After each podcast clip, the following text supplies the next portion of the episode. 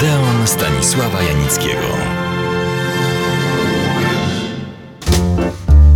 Dzisiaj będzie trochę inaczej niż bywa w cotygodniowym naszym Odeonie.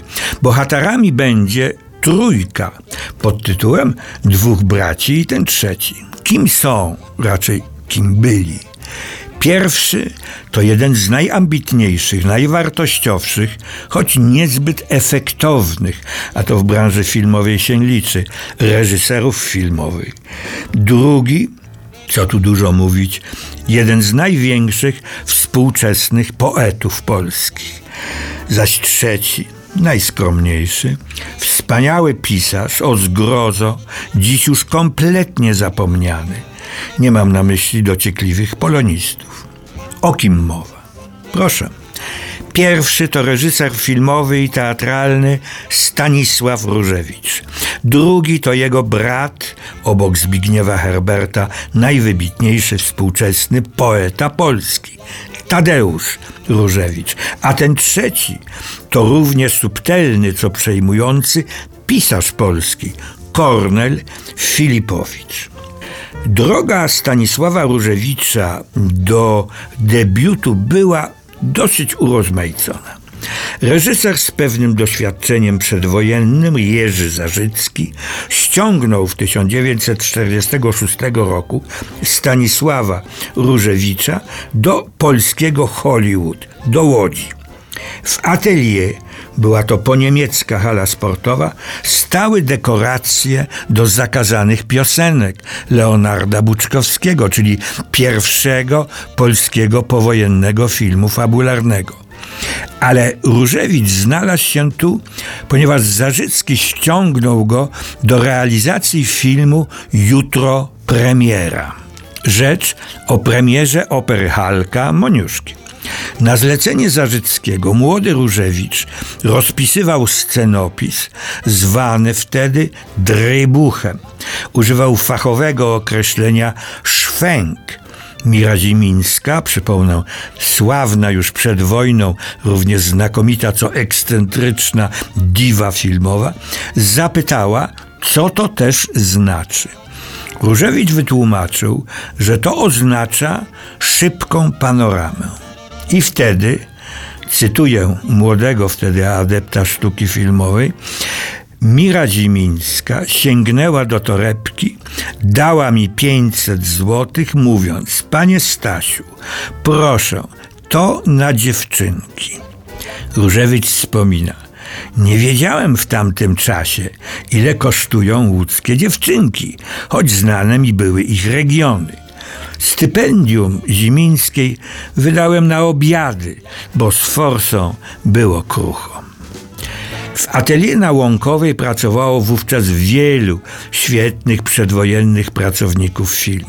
Stanisław Różewicz wspominał ich z niekłamanym uznaniem za ich fachowość, rzecz jasna. Kilka razy jeździł też służbowo do Warszawy. Widział na scenie samego Juliusza Osterwę oraz Ludwika Solskiego, legendy polskiej przedwojennej sceny. Tak na marginesie, młodszy od Różewicza o 9 lat, oglądałem w tym czasie mistrza Ludwika Solskiego w Teatrze Bielskim w sztuce Kościuszko pod Racławicami. Wracam do przygotowywanego filmu Jutro premiera, którego realizację przerwano. Temat ten podjął po kilku latach Jan Rybkowski. Film nosi tytuł Warszawska premiera. Premiera miała miejsce w 1951 roku, czyli był to jedenasty polski film powojenny.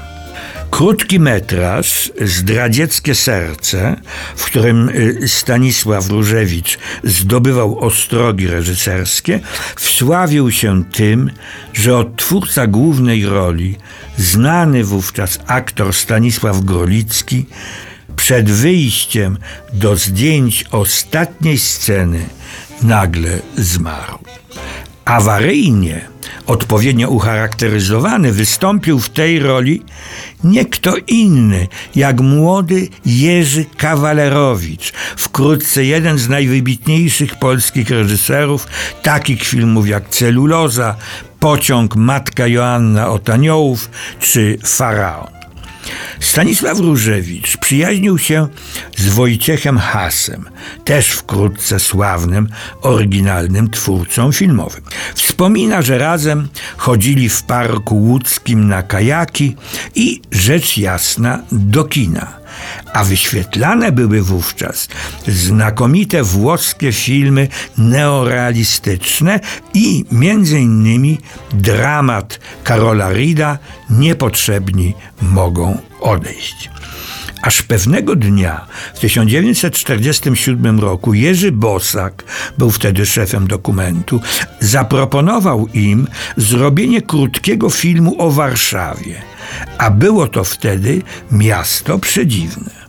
Przed wojną Paryż Północny w czasie wojny ośrodek polskiego ruchu oporu, walczące równie bohatersko, co rozpaczliwie w czasie powstania, przez hitlerowców zrównane z ziemią miasto. A po wojnie budzące się do życia niczym Feniks z popiołów. I film o Warszawie Stanisław Różewicz i Wojciech Has zrealizowali. Tylko nie był on taki, jakiego władze się spodziewały. Ale o tym opowiem Państwu już za tydzień. Do Odeonu serdecznie zapraszam.